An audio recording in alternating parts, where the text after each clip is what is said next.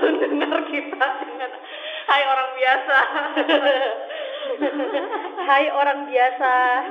Kenapa kita manggil orang biasa? Karena kami adalah wanita biasa. Ini kita mau ngebahas apa sih di sini? Sebenarnya bakal banyak banget yang dibahas nanti rencananya kan manusia cuma bisa berencana ya apalagi kita cuma wanita biasa gitu tapi untuk episode c episode. Untuk saat ini dan mungkin beberapa episode selanjutnya itu masih seputar drama. Tapi tapi kita bukan ngomongin soal review. Ngomongin sisi lain dari itu kali ya. Ya agak-agak sosok sisi lain sih cuman kalau kita lihat drama Korea itu sebenarnya menarik banget nih buat dikulik. Nggak cuma drama Korea ya drama Asia mungkin. Ya, Asia. dari isu yang diangkat sutradaranya bahkan sampai mungkin cara aktor itu memilih sebuah drama tuh menarik banget buat kita bahas. Dan sayangnya dikit banget yang ngebahas hal-hal kayak gitu. Jadi ya kita kayaknya kita ingin mencoba untuk membahas hal seperti itu sih. Dan di sini bukan yang pengen nunjukin kita lebih jago. Justru kita pengen ada diskusi soal ini gitu. Ya, kalau kalian bisa nambahin bisa apa ya memperbaiki atau apa eh, itu akan sangat menyenangkan sih. Ingin banget memperbanyak diskusi soal hal-hal kayak gini. Kayak gini apa ya dengerin lah podcast selanjutnya asik kenalan dulu perlu nggak sih boleh deh boleh deh buat suara yang serak ini namanya Sasa uh, gue Hana Enggak ya, enggak, enggak ada karakteristik khusus sih suaranya apa, cuman ya suara kayak gini Hana gitu. Oke. Okay. Jadi kita berdua adalah kenapa kita namanya wanita biasa? Karena begini. Ketika kita menonton drama Korea, uh, drama Korea itu kan sangat pintar, uh, nggak cuma drama Korea lah, drama Asia. Akhir-akhirnya itu pinter banget buat mengaduk emosi penontonnya. Apalagi ketika ada drama romance, adegan-adegan romance. Lalu udah drama romance, melitnya, aduh, surreal gitu loh. Dan biasanya ketika kita, dan reaksi yang ditimbulkan adalah pasti heboh banget. Iya. Dan orang bingung, lo ngapain ngelihat adegan romance sama cowok ganteng heboh banget? Ya, ya kita wanita biasa. kita wanita biasa yang rentan terhadap hal-hal romantis dan pria ganteng. Jadi ya kayaknya itu uh, wanita biasa tuh kayak merepresentasikan kita saat menonton drama. Iya, dan pandangan-pandangan yang akan kita bahas di sini juga seputaran apa ya drama Asia di mata wanita biasa Iya. yang lemah dengan pria tampan dan plot manis tapi tapi mungkin Yang mudah kena damage. ya. lebih dalam lagi cie Gitu. amin gitu terus eh, yang kita mau bahas apa nih Han sekarang oh iya bener oke yang mau dibahas apa ya sebenarnya kalau kita membahas per drama satu gitu agak ini sih agak lebih sempit karena jadinya eh, kayak review jatuhnya sementara kita nggak nggak mau review-review banget kan walaupun dan jatuhnya bakal jadi review tapi kita pengen lebih, luas lagi kita pengen ngebahas tentang evolusi Ah, pakem dari drama Asia. Wih. Betul. Nah, jadi kalau kalian ngikutin nih mau drama Cina, drama Taiwan, drama Thailand, Korea, bahkan sampai Indonesia sekalipun, mereka punya satu pakem populer yang dimulai dari Itazura Nakis, Iya. yaitu cowok yang pinter banget secara akademis dengan cewek yang ya memprihatinkan banget Di bawah rata-rata. di bawah rata-rata sama sekali dan cenderung payah bahkan dalam melakukan hal sederhana dia juga payah ya Maksudnya Iya. separah itu itu pakem yang laku banget dari tahun 90-an dan dipakai sampai sekarang Benar, dia itu kayak jadi sekarang jadi franchise juga. Selain Betul. jadi franchise, dipakai untuk drama-drama lain, acara-acara lain yang pakemnya sama gitu. Mungkin lebih ke plotnya yang dibeda-bedain dikit, tapi intinya sama gitu. jadi ini kita ngomongin dari induknya dulu kayak kali Iya, ya Itazura Itazura. Nakis. Kalau ngomongin Itazura Nakis, gue tuh baru nonton satu episode doang. Oke. Tapi maksudnya gue merhatiin sih kayak pemain utamanya siapa dan alur ceritanya siapa. Al, alur cerita siapa, alur ceritanya apa dan itu hits di Jepang. Iya. Sorry, sebelumnya gue mau tahu dulu. Hana nontonnya yang versi apa? Oh, tapi gue tahu gue gue nge versi Taiwan gue nge versi Jepang tapi yang bener-bener gue ikutin sampai bucin banget itu versi Korea Oh, oke. Playful Nah, Kiss Playful Kiss ya. itu tuh udah kayak agama gue saat itu gue nonton itu kan sebelum kuliah ya Iya. kayak masa SMA, SMA, uh-uh. gue bahkan merasa itu tuh ditakdirkan buat gue maksud gue Baek Seungjo, Ohani, Ohani Hana, oh my god, Oh, oke, gue baru sadar. gue padahal baru mau nyaut kayak aren't we all gitu kayak kita semua menyukai karakter cowok ini ternyata karena ada Ohana. Eh sorry, Ohani. Eh, gue merasa kayak tuh tercipta buat gue nggak juga sih. Cuma maksudnya, padahal di Korea sendiri ratingnya nggak terlalu bagus. Cuman gue inget banget gue nontonnya di bajakan yang cuman ada translasi Inggris Transla- translasi Indonesia-nya pun payah banget jangan ditiru ya itu gue dulu Itu zaman dulu banget.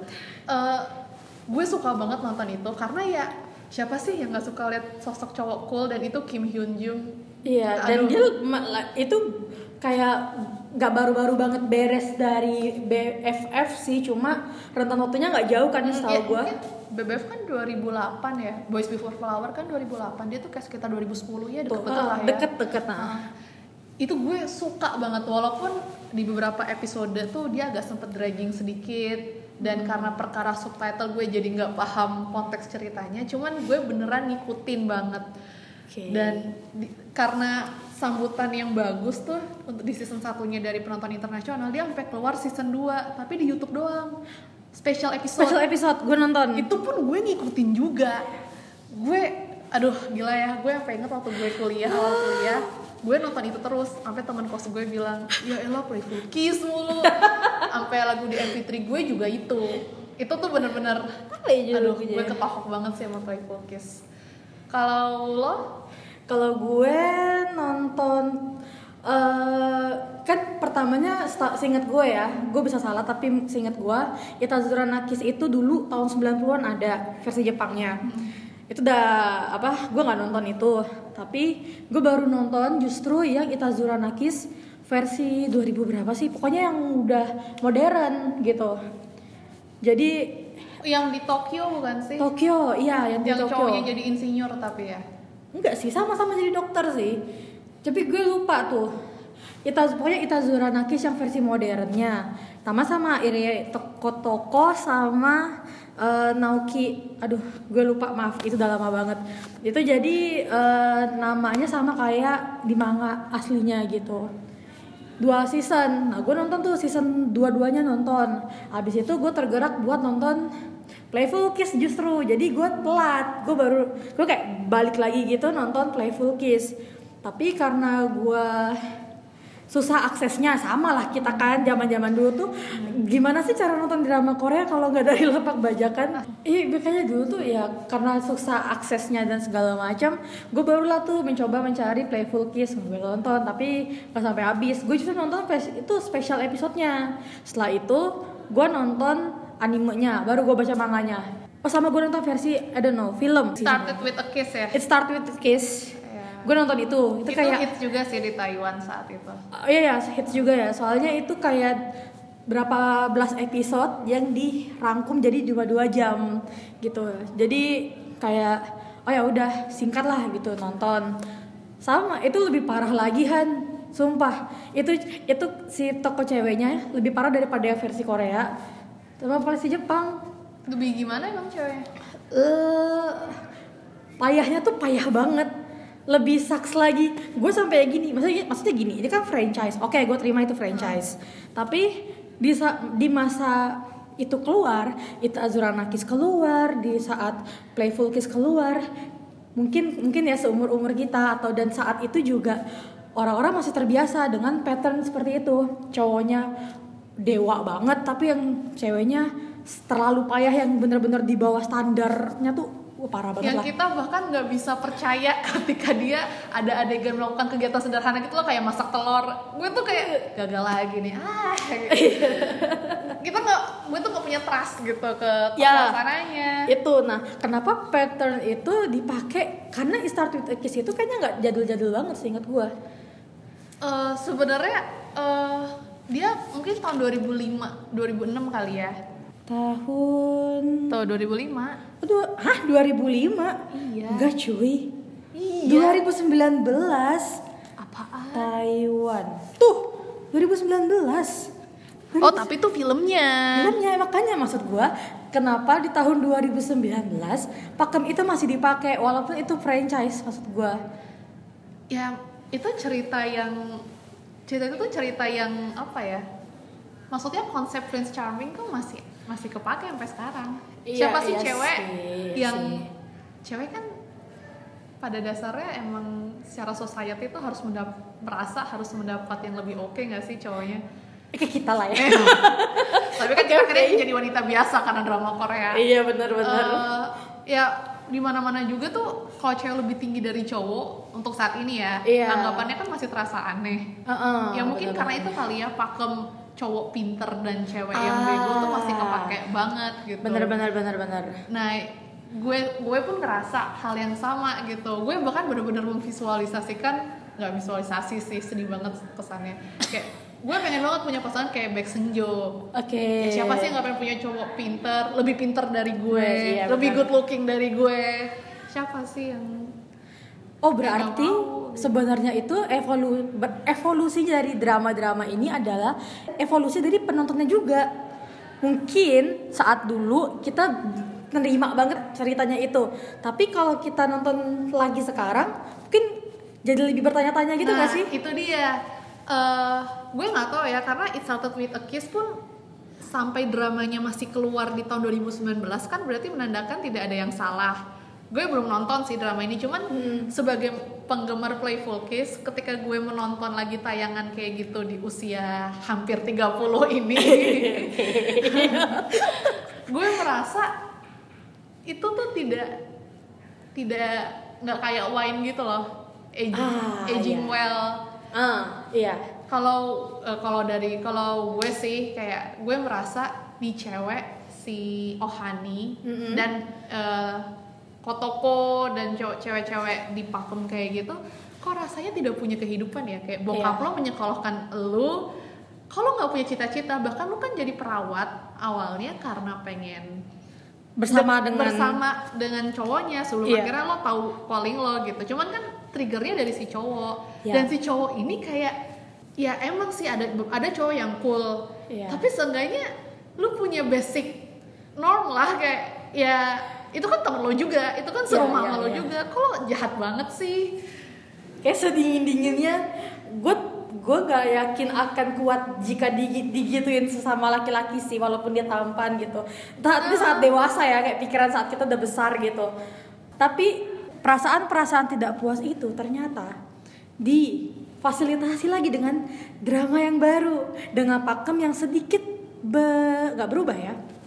Jadi kalau eh, sebenarnya ini yang menarik sih. Jadi si Tazura Nakis kan ya konsep-konsep kayak gitu kan udah dipakai di drama Korea, di drama Thailand dan segala macam. Iya. Nah, mungkin sekitar tiga tahun belakangan, gue sama Sasa baru melihat ada fenomena baru nih di justru di drama Cina. drama Cina bener Mereka pakai pakem yang sama kayak Itazura Nakis. yes Beneran mirip kayak cowok B, eh cowok pinter, cewek yang akademisnya eh yang menyedihkan lah. Tapi anehnya gue lebih merasa hangat dan suka nonton itu. Karena in the end si cewek payahnya ini menemukan call-nya dia tanpa harus mengikuti apa yang dipengenin si cowok gitu. Dramanya A Love So, So Beautiful. Coba deh cari A Love So Beautiful. Dia di web series juga awalnya dan itu jadi hits di Cina tahun 2018 lah Iya. kira-kira. Sebenarnya kalau eh, secara pakem Love So Beautiful kalau dibandingkan sama Playful Kiss dia mirip banget. Mirip banget benar. Beneran si cowok pintar dengan si cewek yang akademisnya kurang. Tapi bedanya kalau di Love So Beautiful mereka itu cuma tetanggaan aja Teman dari kecil. teman dari juga. kecil dan yang bikin yang perbedaan yang paling jelas dari to- kedua tokoh dari dua drama dengan pakem yang sama adalah si cewek ini Xiaoxi Xiaoxi Xiao- ya di drama Cina. Dia punya cita-cita oke deh gue naksir sama dia tapi gue pengen jadi desainer. Oke deh gue naksir sama si siapa sih cowoknya? Junction. yang maaf ya Cina kita rada-rada cuman lo Iya. ngerti lah maksudnya apa. Lu paham kan tulisannya gimana? Junction tapi ketika Junction kurang ajar gue kesel. Dia tuh a girl with attitude. Yes, that's our girl. Itu yang bikin ego kita sebagai perempuan. Yes, girl, you can do it. Kayak ih, seneng banget. Maksudnya happy banget. Padahal eh, secara karakter cowoknya sama-sama dingin, sama-sama sok-sok sundere yang kayak ya gue nggak ada lo juga nggak apa-apa kesannya seperti itu gitu tapi di Love So Beautiful ditunjukkan kalau cowok ini juga butuh si cewek tapi yang bikin si cowok ini lebih kerasa humanis menurut lo apa? Nggak senyebelin Baek Humanis. Seungjo karena kan sebenarnya kalau dibandingin Baek Seungjo dan si siapa? Shangsen Shen. mereka sama-sama pintar. Ya. Mereka sama-sama dingin. Gue sih tapi merasa lo merasa le- ter- terasa lebih humanis tuh apa sih gitu? Karena yang karena ada alasan kenapa dia dingin gitu. Dia kan punya semacam trust issue gitu kan. Which is itu sangat mungkin terjadi. Sementara gue tidak merasakan itu pada Baek Sung Jo jadi secara backstory-nya tuh kalau Love So Beautiful lebih ke oh kita dikasih tahu loh kenapa dia berkarakter seperti ini seperti itu seperti ini gitu. Dan secara karakter pun lebih apa ya? Lebih kerasa kalau nih cowok kalau si siapa Yang Shen ya Hah? emang dia sifatnya kayak gitu.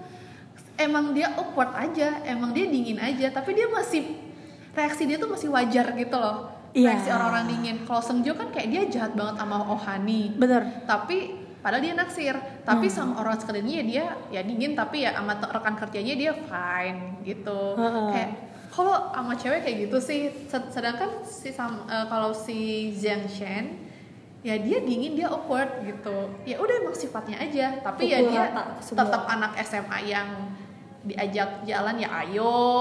Ya. Ya. Ajak ke warnet ya? Iya. Main game? Ayo. Ayo.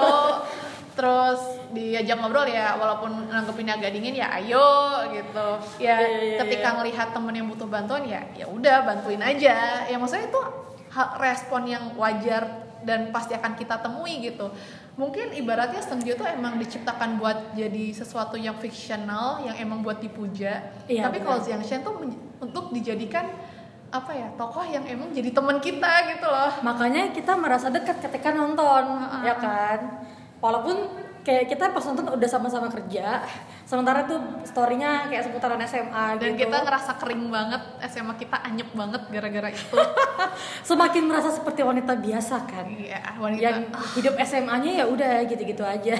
Dan mulai mempertanyakan pertanyaan penting kenapa ya orang bisa punya pacar pas SMA bisa punya gebetan gitu ya kan? kok bisa ya? Aduh itu Love So Beautiful dan nontonnya tuh memang setelahnya bikin hati hangat sih. Hat- hangat banget. Persahabatan baru cinta kalau menurut gue ya. Karena semua karakter yang lain selain karakter utama juga diceritain gitu. Iya. Jadi berasa dia pengen menunjukkan nih empat anggota lima ya lima karakternya ini tuh kayak gini loh. Gini gini gini gini. Jadi kalau si Playful Case itu dia kan fokusnya lebih ke si Ohani sama Baek Seungjo. Ya. Kalaupun ada cerita soal temennya itu juga nggak ada sama sekali sih sebenarnya paling soal second melitnya Second, aja. uh-uh. Tapi kalau di Love So Beautiful ini sebenarnya cerita lima orang bersahabat dengan Ya. fokus utamanya si Jiang Shen dan Xiao Xi selaku Baek Seungjo dan Ohani versi Cina seperti Cina dan ya karena memang udah ada karena emang ada tema persahabatannya juga itu bikin drama dengan pakem seperti itu tuh menjadi lebih kaya aja. Yes benar lebih kaya benar. Uh, lebih hangat juga. Karena emang reaksinya Jiang Shen tuh reaksinya Jiang Shen dan reaksi teman-teman itu ya reaksi alami anak SMA naksir-naksir anak SMA yang serba gengsi ada yang nggak tahu malu. Sedangkan reaksi Baek Seungjo kan kayak lu dingin banget. Irie Naoki. Naoki, Tuh, Naoki. Naoki itu juga sama aduh aduh tapi ya sayang gimana dong? Jadi ya udahlah nonton nonton aja lah waktu itu. Mana gue juga gemes lagi sama dia animenya sama. Aduh sama banget lah itu. Sama tapi juga di franchise. Love So Beautiful tuh jadi kalau di Playful Kiss tuh selalu dilihat selalu kelihatan ceweknya selalu ngejar-ngejar cowoknya. Iya. Jadi cowoknya ya dapet ceweknya baru ngerasa kehilangan setelah ceweknya kan ngegertak sama cowok lain. Ya udah gitu gitu. Ya ngerti sih. Cuman kalau di A Love So Beautiful dia tuh lebih lebih dalam lagi. Karena dia kan nyeritain tiga fase fase SMA fase kuliah sama fase kerja, Kerja. Eh, jadi si cowok ini si Jiang Chen karena si Xiaoxi selalu ngejar-ngejar si ceweknya ini selalu ngejar-ngejar dia selalu ngerasa bisa dapetin ceweknya kapan aja. Take her for Iya. granted. tuh dan sampai akhirnya ketika kuliah mereka putus pas kerja mereka pengen balikan. Nah pas pas si cowoknya pengen balikan si cowoknya baru sadar ceweknya nggak mau ya barulah dia nyadar betapa dia pengen banget sama si cewek ini. Ya jadi at the end gue merasa hubungan mereka tuh setara. Karena dia merasa value-nya atas diri dia sendiri kan bukan karena dia lagi deket sama cowok. A, BC nggak ada. Iya. Eh, emang karena gue ngerasa lu nggak? Ya. Lu seenaknya sama gue gitu Si- sih. Wow wow. Itu sih yang bikin kenapa? Itu dikit ya. Gue merasa itu versi upgrade-nya playful kiss sih. Iya apa versi ya maksudnya untuk situasi sekarang di mana cewek feminis dan apa segala macam menurut gue Love So Beautiful tuh berhasil bikin pakem kayak Itazura Nakis, Playful Kiss gitu tuh jadi lebih relevan. yes lebih relevan. Nah gue pikir tuh akan mentok di cara seperti itu aja di pakem seperti itu aja. Ternyata di tahun I don't know, sorry, sorry, sorry. Um, tau mau ngomong apa. Lanjut, lanjut, lanjut. di 2018 2019. 19 di 2019 ada lagi dong drama sama drama Cina juga Dengan damage yang lebih parah. parah kalau menurut lo Love So Beautiful itu damage-nya udah serelevan itu ini relevan plus kisah nyata wah iya Dan eh, ya, mungkin nggak mungkin 85% kisah nyata but it's still tokoh-tokohnya tuh ada di luar sana. Perlu kita reveal nama dramanya. gue nggak tahu cara nyebutinnya silakan Hana gue jadi ngapain nih? Eh, li, eh, mungkin Google aja. Google oh ya daripada kita berdua yang salah kan mendingan eh, kita biarkan Google Translate yang menjawab judulnya adalah Le coup de foudre. nah Ya pokoknya intinya cari aja di Netflix tulisannya Le Choup de Faudre. Nah. Kita selalu ngomong dengan bahasa Prancis yang Eh, penuh improvisasi dan kita emang gak niat buat nyari Google Translate kita selalu bilang judulnya Le Coup. Like Lekup atau kalau mungkin nama lainnya I Only Like You kalau nggak salah gue ya karena itu mirip sama judul bukunya juga Oh judul buku emang gimana bukunya? Aduh Tuhanku ya Allah tuh gue sampai ya udahlah ini kayak puncak dari wanita biasa yang pernah gue rasakan seumur umur gue nonton drama Jadi si drama ini itu ber- eh, sumbernya dari novel. Novelnya sendiri diambil dari materi-materi tweet seorang wanita. Dia ngomong gak sih namanya siapa? Jui Eh, Ju- siapa? Jui Oh, Joey Joey Joey. Eh, wanita dia nyebut dirinya Joey yang menceritakan eh, percintaan dia dengan suaminya Mr. F. Dari awal mereka ketemu, dari sama eh, cerita dia soal teman-temannya, kembarannya, kembarannya cowok tapi nggak identik. Dia putus dengan Mr. F sampai balikan lagi dan gimana cara dia memaintain rumah tangganya. Dan semua ini terangkum dengan sangat baik penceritaannya pun dengan sangat baik pindah platform pun sangat baik karena gue sama Hana sampai sempet kayak pengen ngebedah apa sih namanya naskahnya ya. Pokoknya pengen ngebedah film eh dramanya. Karena bagus banget. Cara dia bercerita cara dia kan namanya kisah nyata dibawa ke film pasti ada yang harus dibongkar pasang. Itu kayak wajar banget wajar banget. Tapi gimana caranya supaya bongkar pasang ini tidak mengganggu logika kita? Dan justru malah bikin tambah masuk akal itu sih yang cerdas Oh, jadi sebenarnya kalau uh, si Le Coup ini uh, ceritanya sama ya tentang si Playful Kiss, kayak Playful Kiss dan A Love So Beautiful tentang cowok pinter uh, punya hubungan romantis dengan cewek yang akademisnya biasa aja. tapi Apa yang beda sama menurut lo? Menurut gue bedanya adalah toko cewek itu yang paling mendasar. Toko ceweknya digambarin kayak kita biasa gini. Maksudnya lo akan menemukan karakter yang sama seperti seperti si tokoh cewek si Jui. Gue lupa nama kok nama Cina siapa. Xiaoyi, Yaoi, Xiaoyi, Xiaoyi. Xiaoyi. Kita panggil Jui aja lah ya. Nah, si Jui ini mirip kayak mungkin temen SD gua atau SMP gue kayak ada deh yang kayak gitu ya kayak akademisnya biasa aja dia juga berusaha untuk belajar tapi ya dengan dia belajar tidak serta merta membuat dia otomatis pintar dalam satu malam. Enggak. Setelahnya ya nilai dia biasa aja cuma memang nggak separah sebelum dia malas belajar gitu. Itu masuk akal banget. Sebenarnya kalau eh, untuk dari segi pakem dia tuh sama ya kayak Love So Beautiful. Penceritaan utamanya tuh ada di lima tokoh. Dia ceritanya berkisar di kehidupan lima orang sih, dengan tokoh utamanya si Yanmo sebagai Baek Seungjo dan siapa namanya? Xiao Yi. sebagai Ohani. Tapi di sini mereka ya cuma sebatas teman sebangku aja sih. Iya teman sebangku. Dan si Yanmo ini tuh Yanmo sebagai Baek Seungjo dia tuh beneran yang se- sesusah itu berekspresi. Tapi ya sepintar itu juga. Tapi dia pintar pun karena dia berusaha. Mm. tapi dia emang pintar tapi dia berusaha juga. Karena kalau dia nggak berusaha dia tuh kalah tahu sama si Guancho oh jadi gini kalau bedanya tokoh ceweknya si Lekup ini dengan A Love So Beautiful sama apa? Naughty Eh, Kiss, Playful eh, Playful Kiss. Kalau Playful Kiss itu kan ceweknya anak tunggal. Ya eh, bapak ya cuman tersisa bapak. Kalau All of So Beautiful ya dia anak tunggal orang tuanya masih lengkap. Mm dan mereka bertetangga dengan si cowoknya. Ya tapi kalau si Lekup ini si ceweknya ini punya kembaran cowok. Dan dia tinggal hidup eh, bersama ibu dan ayah tirinya. Yes. Si kakak si kembaran cowoknya itu pinter banget sedangkan dia akademisnya ya menyedihkan banget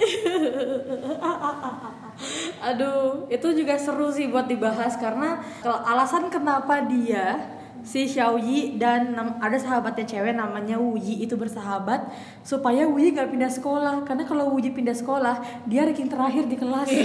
Itu kan cerdas banget kan maksudnya kayak ada alasan utama kenapa lo bisa sahabatan sama seseorang bukan karena ya karena cocok tuh mungkin itu urusan belakangan tapi ada satu alasan besar kenapa bisa bersahabat gitu loh. Itu kan kayak anjir kok kepikiran aja sih bikin kayak gitu? Jadi nyambung. Betapa susahnya dia belajar tuh dulu. Dan di sini tuh ceweknya digambarin gitu ya minta tolong ke cowoknya emang salah satu cara sih. Tapi dia juga ikutan bimbel belajar sendiri. Belajar sendiri ya ya bener-bener ngegambarin gimana ya maksudnya ada kan emang beberapa orang yang secara akademis nggak nggak jago. Dan itu tuh sangat believable. Kalau Yes. menurut gue ya memang ada orang kayak gitu mau belajar susah belajar sekelas apa pun ya hasilnya akan segitu. Karena emang potensinya mungkin bukan di akademis. Ya realistis. Dia bisa masak loh maksudnya. Dia nggak separah itu. Kalau lekup itu yang lebih kental keluarganya juga ya justru ya? sama satu lagi Han. Gue inget Apa? jadi tuh ada eh, salah satu dialognya si Xiao Yi si Joey ini dia bilang gini buat orang nggak pintar kayak aku akan lebih believable kalau aku bilang aku tuh malas. Makanya nilai aku segini dibanding kalau aku bilang aku tuh udah belajar tapi nilaiku tetap Ya. jelek. Orang-orang pasti bakal lebih ngenyek lagi bakal lebih merendahkan aku lagi. Jadi ya udah aku bilang aku males aja. Damn itu tuh kayak strike to the kokoro banget lah. Itu lebih insight lebih insightful nggak sih? Insightful banget. Oh ternyata gitu ya perasaannya ya gitu. Kenapa alasan dia bilang ah, iya aku itu semalam gak belajar. Padahal dia belajar sampai subuh men. Gila. Dan yang gue suka bener sih kata lo di awal ketika dia belajar tuh nggak serta merta bikin dia langsung kayak jenius. Yes. Kuliah aja akhirnya dia pilih di kuliah yang level 2 nggak sih kampusnya? Iya bukan yang terbaik. Tapi dia berhasil berkembang di sana jadi lebih percaya diri dan segala macam. Eh, maksudnya itu ya ya dan dia nolak cowoknya. Damn itu poinnya. Dia nolak si cowok. Jadi si cowok yang nembak lu bayangin coba. Itu kan udah patah banget kan pakemnya? Iya, iya dia udah patah banget. Iya ceweknya suka sama cowok, cowoknya ya juga suka, tapi interaksi mereka tuh lucu banget. tapi dia tahu it's more than that kayak itu tuh nggak cuma soal perasaan kita berdua tapi ya dia merasa dia belum memantaskan diri lah kalau Iya. istilahnya ya kan memantaskan diri kayak gue kalau pacaran sama lo akan jadi beban atau mungkin lo jadi nggak bisa terlalu eksplor apa segala macam dia bisa mikir sampai situ loh padahal waktu itu masih SMA kan yang harusnya dia bisa have fun aja tapi itu kan versi aslinya ya ini yang gue tadi bilang itu versi di novel sementara kalau versi asli kalau versi filmnya dibikin lebih masuk akal lagi Tapi kayak eh, pendengar cie. Kalian denger ada gue doang nih setelah gue suruh. dan temen gue ya orang-orang yang sudah mengerti kita lah ya. Tapi eh, mungkin bisa diceritain ini nggak kayak kan kita bilang ini evolusi kan. Kalau dari segi karakter cowoknya si Yanmo ini apa yang membedakan dia dengan eh, nenek moyangnya si Ita Zuranakis Oke, ini? nih? kalau menurut gue bedanya adalah dia digambarkan sebagai eh, ya true human ketika dia merasa dia tidak bisa berekspresi itu pukul rata ke semuanya. Ya gue emang ke siapa pun ya begini gue nggak bermasuk dingin. Gue cuma bingung aja mesti berekspresi seperti apa. Karena gue emang seperti ini orangnya dan konsekuensinya adalah dia tidak populer. Tidak sama sekali. Ya itu jadi kayak tidak bukan karena dia cool lalu dia jadi populer tidak seperti itu. Itu ada konsekuensinya. Sama dia juga digambarkan pekerja keras sih. Walaupun dia pintar keluarga ada juga tapi dia juga berusaha untuk mengejar apa pun yang dia pengenin. Kayaknya karena ada sisi baiknya nggak sih? oh ya dan dia baik banget si versi Cina Love So Beautiful dengan yang ver eh itu juga versi Cina juga sih Love So Beautiful dengan si Lekup ini kenapa si tokoh cowoknya si Baek Seung Jo nya ini lebih terasa lovable karena dia ada kelemahan dan dia Iya. baik ya Yes. jadi lebih apa ya lebih sayang lebih relate lo lo lo tidak akan dipaksa untuk menyukai dia karena dia main lead tapi lo akan suka karena Ih, karakter dia. itu dia itu, Itu. dia itu. Iya benar-benar iya benar. Kalau kalau Sengjo eh, kalau Baek Sengjo nih eh, lo pasti akan membayangkan dia jadi pacar lo. Yes. Kayaknya keren deh punya pacar kayak Sengjo. Nggak apa-apa deh dia orangnya dingin juga. Tapi kan cinta emang harus gitu. Mungkin lo kan kayak gitu. Yes. tapi ketika lo nonton Love So Beautiful dengan Lake si Lekup lo beneran pengen punya pacar kayak gitu akan menjadi goal lu. Aduh kayak ya udah nih cowok ya cowok emang dingin sih. Cuman dia baik ya. Cowok baik mah ya ya ya, ya udahlah gitu kayak ya. Dan dia bisa membalikkan kata-kata kita. Jadi hidup lu nggak akan membosankan. Capricorn man coy. Lu oh my god bentar gue mau meledak dulu Padahal ya kalau ngomongin soal karakter-karakter justru karakter yang banyak ada di pakem-pakem drama itu sih kembarannya si Xiaoyi. Pinter, karismatik, sama cewek juga apa ya kayak apa womanizer. Tapi gue sih sayang sama dia cuma nggak yang segitunya sih dibanding Mr. F dan gue ke Mr. F atau si Yanmo ini pure suka karena karakternya dia.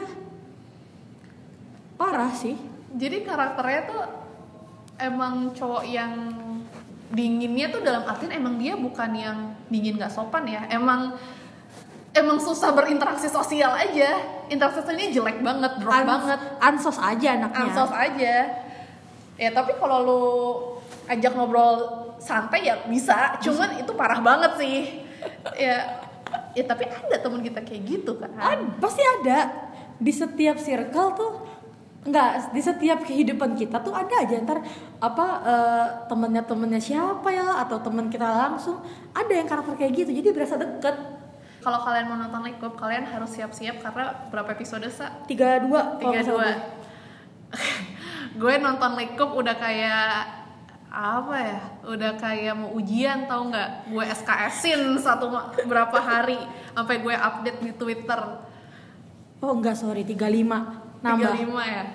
Dan itu beneran dan gue nggak bosen nonton itu. Enggak sama gue nonton dua kali malah. Gue lebih bosen nonton Love So Beautiful loh. Maksudnya ada beberapa episode yang gue skip. Tapi menarik sih. Cuma Menarik. yang Lekup tuh beneran per episode tuh kayaknya nggak ada yang kebuang deh. Karakter developmentnya tuh oke banget menurut itu gue. karakter development.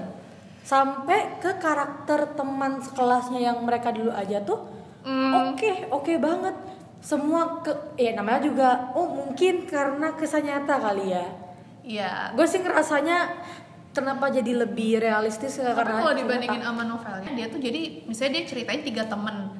Nah di filmnya di drama itu si tiga temen itu digabung jadi satu karakter. Nah. Tapi ya intinya masih tetap sama sih. Sebenarnya orang tuh emang banyak yang eh, suka ah 30 episode banyak banget nggak berasa nggak berasa beneran nggak berasa tapi ya mungkin kalau kekurangannya mungkin lebih ke itu ya kali kayak tiba-tiba layarnya kuning kuning gitu. Visualnya doang. Kalau gua kalau gua karena anaknya visual banget dia cara membedakan antara yang lama jadi kayak kejadian lampau dan kejadian sekarang itu kan kayak filter kan kayak agak kuning kuning pink pink gitu. Kadang-kadang gue sampai ngeliatnya ini mata gue yang buram apa gimana sih? gitu. Iya dan kadang kuning kuning itu tidak menandakan apa-apa sih cuma kayak transisi doang. Transisi sama gaya rambutnya coy. Oh. Sama semua si 35 episode ini menurut gue menurut gue dan Sasa kayaknya mungkin setuju juga sih. Kayak nggak ada yang kebuang. Dan ketika lo selesai nonton lo tuh kayak melihat perjalanan hidup manusia. Dan lo akan bangga sama semua karakter di iya situ. kayak ah lo bisa lo kayak gini lo berubah lo kayak gini. Karena ada beberapa karakter yang kita berdua gue sama Hana kayak Ih gue belum nemu nih karakter developmentnya dia. Sabar sabar kita tunggu ya. Bunyi Sampai iya bunyi kayak kita agak ragu gitu sama dia. Enggak loh In the end tuh dia Wah itu episode-episodenya Wu yang terakhir Gue gak berhenti nangis sih Han. Mohon maaf nih bener-bener mata gue tuh pokoknya tiap bangun abis episodenya Wuyi Mata gue berat banget dibuka. Kebanyakan nangis saking gue tuh bangga banget sama dia sampai bahkan sampai karakter development kembarannya Kiawi ya. Iya. Sampai akhirnya dia jadi bertanggung jawab tuh karena apa? Ya 35 episode panjang tapi pasti menurut gue. Kalau lo menjadi lebih baik ya lo lo berusaha dengan diri lo sendiri bukan karena cowok. Bukan karena orang lain bukan karena saudara lo. Nggak tapi emang karena diri lo sendiri. Iya lo cuma lo doang yang bisa ngubah diri lo. Asli gue bangga banget sih ngeliat dia pas udah gede. Ih gila ya dulu dulu belajar tuh kayak mati-matian banget. Buat dapet nilai yang oke aja tuh susah rasanya. Pas udah gede. Kayak dia nggak sukses. Maksudnya bukan artian sukses jadi miliarder apa segala macam enggak juga.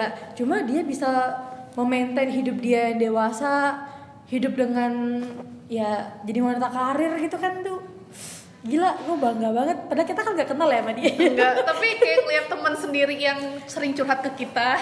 Iya. terus tiba-tiba doing something good di hidupnya. Dan Lekop ini yang paling kental juga keluarganya sih. Ya wah bagus. Suka banget gue Jadi kalau uh, kalian nonton si si Kiawi, si Ohaninya ini, Ohaninya Likup, dia ini punya saudara kembar namanya siapa? Guancho. Guancho. Guancho. Guancho. Mereka tinggal bareng ayah tiri yang sayang banget sama mereka. tuh itu juga udah ngatain pakem Ha-ha. Aduh, gue pengen ceritain yang ayah tiri sama ayah kandung, tapi gue nggak bisa.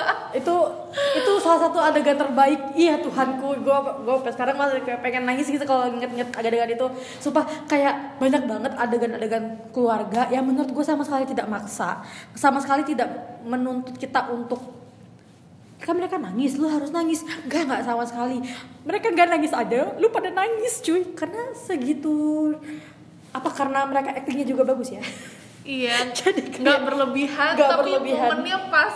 karena kan memang pace-nya kan jadi lebih ke apa ya? Di pertengahan itu udah mulai pertengahan cerita lah ya. Pertengahan cerita tuh pace-nya agak lambat jadi mungkin biar kitanya agak ada spark. Makanya gue ngerasa tidak bosan itu kali ya.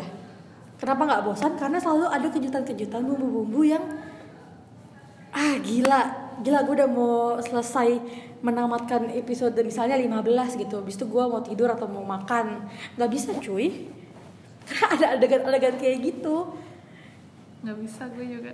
Lo kenapa jadi sedih Jadi tuh pinter banget sih, sumpah. Gue pengen belajar bikin skenario nya deh. Atau pengen diceritain gitu, gimana sih cara ngebedah? Terus bikin skenario dan karakter development yang sebagus ini. Bener kayak itu kan Gila dari sih. novel yang alurnya nggak runut. Gak runut. Tapi dia bisa ngejahit itu semua nambahin bumbu tapi nggak kerasa gumoh gimana sih? Kayak nggak kayak nggak berlebihan. Menurut gue Likup itu tontonan yang kalau emang lu suka ya dengan pakem-pakem ala Itazura Nakis eh, bisa lah dicoba si Likup apalagi visual Zen Yushin sorry kalau pronunciation-nya nggak bagus tapi lo ngerti lah maksudnya apa. Zen Yushin eh, si Yanmo itu tuh oh my Ah god. Tuhan. Gue gila sih Han. Jadi bener-bener eh, Yanmo itu ih ya Allah gue sampai sekarang tuh kalau inget-inget Yanmo tuh Mr. F. Sampai pusing kepala gue juga. aduh gue ngeri nih apa tipe tipe laki gue nanti ke depannya kalau nggak kayak Mr. F gimana ya saking believable banget maksudnya eh pro konnya dia tuh ya emang huma, human gitu Nih, eh, lu bayangin nih, lu nonton drama, lu kena damage sama cowok, sama melitnya. Abis lu lu menemukan fakta bahwa orang kayak gitu tuh ada di dunia nyata. jadi tuh di dunia ini kita hidup bareng sama Mr. F Iya, di sana di di, di Beijing. ada lo Mr. F di Beijing gue sama Sasa bahkan udah pernah kepikiran kita pengen ke Beijing cuma pengen lihat polusinya doang sama macet. ingin, ingin merelief kehidupan si Xiaoyi. apa namanya reminiscing Reminiscing. Kita cuma pengen lihat macetnya doang, udah kita nggak perlu yang lain. aduh aduh gila sih itu aduh aduh dan dan dinamika hubungan antara Mr. F dan Xiaoyi-nya tuh juga bagus banget sih naik turunnya tuh menurut gua pas pas. Dan memang karena bukan karena orang ketiga itu pasti adalah ya bumbu-bumbu kayak cemburu apa segala macam. Tapi yang difokuskan adalah antara mereka berdua kayak Enmo yang kurang pede Xiaoyi yang merasa apa segala macam itu antara konflik kedua orang. Jadi gue kayak ya benar juga ini loh relationship yang sebenarnya gitu. Jadi belajar banget sih. Sumpah belajar banget walaupun aku belum punya punya pacar ya. Tapi Kan kita belajar. Walaupun sebenarnya eh, kan ada kan adegan yang Yanmunya masih kesal-kesal sama Xiaoyi. Yang menurut gue tuh sebenarnya mereka tinggal ngobrol doang. iya iya Tapi akhirnya gue bisa gue maafkan karena emang itu kejadian nyata. Begitu yang terjadi. Emang gitu sih. Jadi ya udah gitu deh. Love So Beautiful tuh kayak udah oke. Pakemnya sudah mulai berubah. Tapi ternyata ada yang lebih lebih wow lagi gitu. A Love So Beautiful tuh lebih ke drama SMA yang bikin hati lo anget kayak eh gemes gemes gemes kalau yang Club itu lebih dewasa gak sih Jatuhnya lebih dewasa. lebih mateng juga secara penceritaan juga kali ya lebih dalam lebih dalam lebih eksploratif Dan gue tuh lupa lupa inget ya. Tapi gue pernah ngitung jumlah eh, episode A Love So Beautiful dewasa sama Lekup. Lekup dewasa itu jauh lebih banyak kan Lekup. oh iya iya uh, Love Beautiful kan cuma berapa sih dua nggak nyampe 30 deh kayaknya Tapi yang versi dewasanya cuma berapa episode doang, nggak sampai 7 kayaknya. Dikit banget, dikit banget. Jadi memang fokusnya ke SMA. Cerita SMA kalau The Lekup menurut gua pas tuh 14 sama tuh berapa tuh 20-an episode. yang gue suka dari drama Cina itu mereka pakainya karena itu itu aja Yes. justru ya udah berasa real life Gue juga sering merhatiin bajunya Xiaoyi itu itu-itu aja. Cuma pas dewasa baru mulai berubah-berubah, mix and match. Ya mungkin karena ada punya duit juga. Tapi pas SMA tuh itu mulu bajunya. kalau yang siapa sih Uyi. Chelsea Chelsea yang Love So Beautiful Heeh. dia juga begitu itu aja pas udah kerja Iya, iya. gitu aja ya kayak kita lah beli baju banyak ujungnya pakai itu itu lagi paling di gonta-ganti doang atas bawah kan Terus kita kayak berusaha positif gitu. Karena emang suka banget. Tapi ya asli gambarnya kan gue orangnya sangat pemilih soal gambar ya. Ya, ketika gambar tidak masalah untuk gue berarti emang sebagus itu. Cie. Gak ngasih gambaran eh gak ngasih itu. Tapi percayalah lu non- abis nonton Le Coupe de Vaudrey lu akan merasa hidup lo tuh hangat plus lu akan belajar banyak banget tanpa diceramahin. Mungkin karena yang nulis juga maksudnya nulis novelnya dia jago banget mengerangkai kata-kata dari pengalaman kali ya. Iya dan emang diambil dari pengalaman real life kan? Heeh. jadinya kena kena ke kita juga. Sebagai yang sama-sama maksudnya lagi menuju dewasa gitu lah kan? Jadi relate sih relatable banget. Dan yang gue suka kayak kalau beberapa drama kan digambarin cowoknya tiba-tiba sukses apa Yes. segala macam kan. Tapi di Lake Coupe ini cowoknya bahkan di tiga episode terakhir pun masih terlihat merintis ya. Merintis karir ya. Emang hidup tidak semudah itu walaupun lu pinter. Masih jadi kacung. masih tetap kacung Masih masih, tetap mengalami hambatan tapi sebenarnya mungkin kalau dibilang playful kiss itu jelek apa enggak ya gue nggak Hmm, bisa enggak. bilang sih. Karena balik lagi preferensi ya maksudnya gue waktu SMA suka banget. Dan belum Benar, tentu juga ketika kita SMA kita akan suka nonton Likup benar benar. terasa lebih berat mungkin ya. Dan kayak apaan sih? Kok bisa? Kok nggak nggak dreamy? gitu Hmm, kan. kok, eh, aku kan ingin oh aku tidak ingin hidup di realita. Jadi memang kita menemukan drama ini di saat yang tepat kalau menurut gue. Saat kita lelah dengan dunia dan kita butuh merasakan cinta kita menonton Likup kalau kita pengen dreamy balik lagi. Nonton playful kiss itazura nakis gitu. Gue juga kalau dipikir-pikir dulu nonton itu suka-suka aja. Ya gue suka banget. Kalau dibilang sekarang agama gue tuh. Kalau dibilang kalau tanya gitu kan sampai sekarang lo masih suka? Ya masih. Cuma mungkin feelingnya akan feelnya akan sedikit berbeda. Ya karena kita bertumbuh anyway gitu kan Tapi gue kalau nonton Playful Kiss tuh lebih kayak nostalgia sih ke masa Jatuhnya ya. Jatuhnya bukan yang untuk dinikmati banget, lebih ingat masa-masa SMA. Cuman ya begitulah. Jadi kalau misalnya disimpulin ya kayak Likup itu mungkin kelebihannya lebih dari eh, lebih ke explore karakternya ya. Secara humor juga kena banget sih. kena banget lucu banget itu Yanmo yang tadinya serius banget setelah menikah sama Kiawi Kiawi ternyata malah jadi lebih koplak. Malah bisa ngimbangin si Kiawi ikutan koplak juga. Kalau itazura nakis playful kiss tadi dreamy. Ya, itu dreamy banget sih. Dreamy. Terus love so beautiful. Itu gemes banget itu gemes banget. Itu itu dreamy-nya kayak Itazura Nakis realitanya agak mirip tapi eksplorasinya lebih dalam. Kalau gue non- disuruh nonton lagi gue mau sih. Dan mungkin perasaan gue masih akan terkupu-kupu terbang gitu loh. Akan masih kayak wuh gitu. Kayak gue akan masih merasakan itu untuk Love So Beautiful. Apalagi Hu Hu Yiqian ya? Yutian ya? Hu Yutian ya? Si cowoknya. Iya si cowoknya. Tian Tian apa gitu gue lupa. Dia tuh bukan yang amat sangat ganteng gitu loh. Dia cool tapi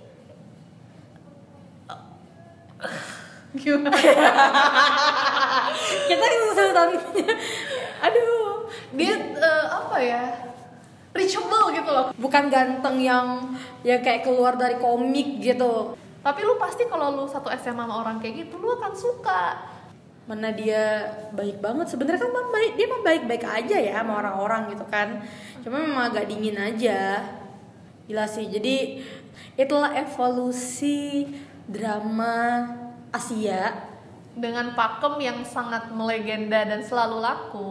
Dan sebenarnya sih kita menunjukin kalau pakem seperti ini tuh bisa banget dikembangin ya. Jadi sebenarnya walaupun intinya adalah cowok pintar dan cewek payah tetap bisa jadi hal yang menarik kok.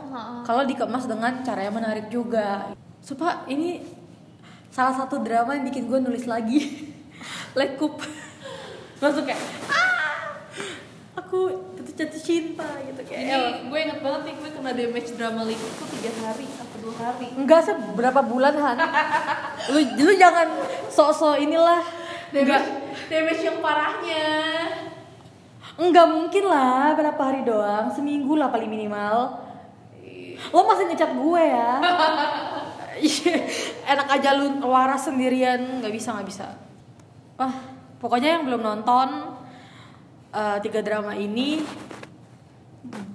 menurut gue nggak harus di apa berurutan yang kayak lama dulu lalu yang baru randomly juga nggak apa-apa sih karena tetap akan memberi lo pandangan yang berbeda Lo kalau lu pengen nonton yang gemes-gemes, lu bisa nonton A Love So Beautiful. Ingin yang lebih bikin lo kena damage, lo bisa nonton Lego. lo kalau lo siap pusing lo siap nggak tidur ya itulah le lekop sih Iya. siapin mental banget lah pokoknya Tapi kalau lo akan kalau misalnya nih dengan situasi lo yang sekarang, lo akan merating Playful Kiss, A Love So Beautiful sama Lego itu berapa? sekarang Iya dengan kondisi yang kita kan mengidolakan banget kan Iya. Playful Kiss saat remaja. Iya. Nah sekarang nih ketika kita udah uh, usia begini yang sudah termakan asam garam kehidupan, wah. Yang ya tes kita lo akan merating drama-drama itu berapa? aduh maaf banget karena sekarang gue jadi lebih realistis. Sudah tidak dreamy lagi. Jadi Playful Kiss 6 Love So Beautiful 8 Lekup 100 per 10 Waduh. suka banget gue sesuka itu sih. Kalau gue secara urutan sama sih kayak Sasa, cuman kalau cuman kalau apa Playful Kiss mungkin gue enam setengah apa tuh. Terus kalau apa namanya kalau jadi lupa ya Love So Beautiful. Hmm, 8 kali ya? Ya. 8 apa 18 mungkin kalau Likup 9 atau 8 setengah.